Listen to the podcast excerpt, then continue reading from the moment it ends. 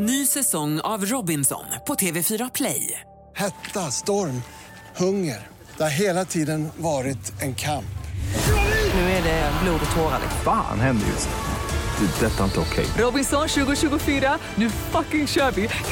Streama söndag på TV4 Play. Hej, det är jag som är Lotta Bromé och det här är ett inslag från Halv tre med Lotta Bromé på Mix Megapol. Ni har hört honom tidigare i Halv tre och nu har han alltså rest tillbaka till Ukraina och befinner sig på plats i östra Ukraina. Eh, Nils, hur är läget där du är? Uh, well, there have been some concerning developments. Um, I was in Dnipro um, earlier today. Yesterday, I was in the Donbass, so on the front line, and uh, things were steady. There was a lot of shelling, um, a lot of artillery fire, but nothing out of the ordinary. But then this morning, around breakfast time, around eight o'clock, um, we felt some rumbles. Uh, the ground shook. Uh, there were some explosions in the sky. The defense system shot down some missiles, but some did strike the city. So uh, definitely concerning.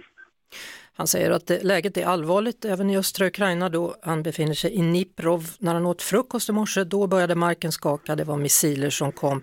Men det var också vapen då ifrån ukrainsk sida som kunde förstöra dessa missiler innan de träffade mål, mål på marken. Då. Eh, Nils har ju varit där tidigare, frågan är om han har märkt någon skillnad nu gentemot när han var där förra gången. Is there a big difference now uh, compared to when you were there last time?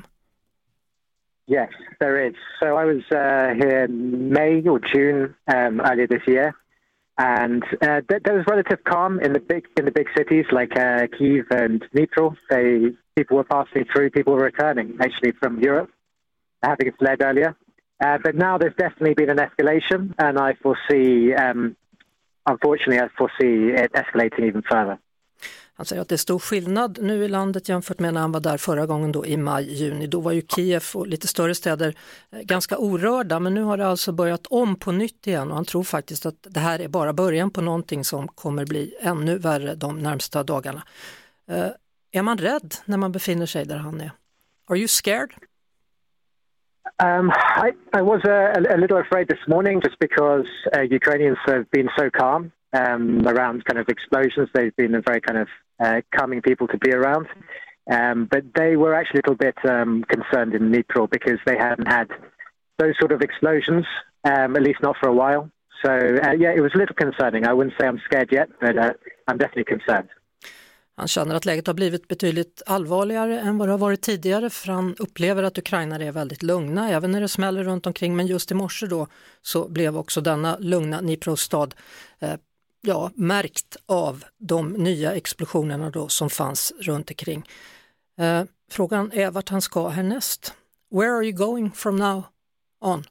Um, I was actually planning to uh, return to Kiev today um, by train, but we decided that perhaps it's not the best idea since they're targeting infrastructure. So I'm currently about halfway between Dnipro and Kiev. Um, yeah, that's where I am at the moment.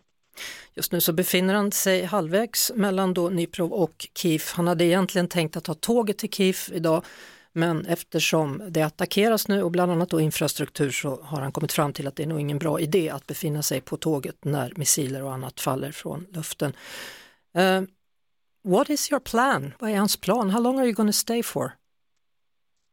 Um, well, I was actually planning to return tomorrow, so uh, we'll assess the situation as we go along. I don't know whether we'll stay in Kiev or somewhere else. Um, but yeah, I'm definitely going to have to follow developments every few hours. I've heard like unconfirmed reports that there may be another missile attack soon. Um, so perhaps I'll wait here in the motorway, just see what happens, and then continue. But you're going to stay in Ukraine? Um, I'm not sure yet. I'll have to assess the situation day by day. Han får bedöma situationen dag till dag. Nils Adler alltså på väg mot Kiev i alla fall. Eh, Han har fått uppgifter om att ett nytt missilangrepp då är på gång i nuläget men han sätter sig alltså inte på tåget med tanke på att ryssarna faktiskt bombar också infrastrukturen. Uh, han får sköta om sig så mycket då och stort tack för att du var med. Please take care, be careful. Yes, Nils Adler in Ukraine. Tack. Tack så mycket. Det var det. Vi hörs såklart igen på Mix Megapol varje eftermiddag vid halv tre. Ett poddtips från Podplay. I fallen jag aldrig glömmer djupdyker Hasse Aro i arbetet bakom några av Sveriges mest uppseendeväckande brottsutredningar. Går vi in med hemlig telefonavlyssning och, och då upplever vi att vi får en total förändring av hans beteende. Vad är det som händer nu? Vem är det som läcker? Och så säger han att jag är kriminell, jag har varit kriminell i hela mitt liv men att mörda ett barn, där går min gräns. Nya säsongen av Fallen jag aldrig glömmer på Podplay.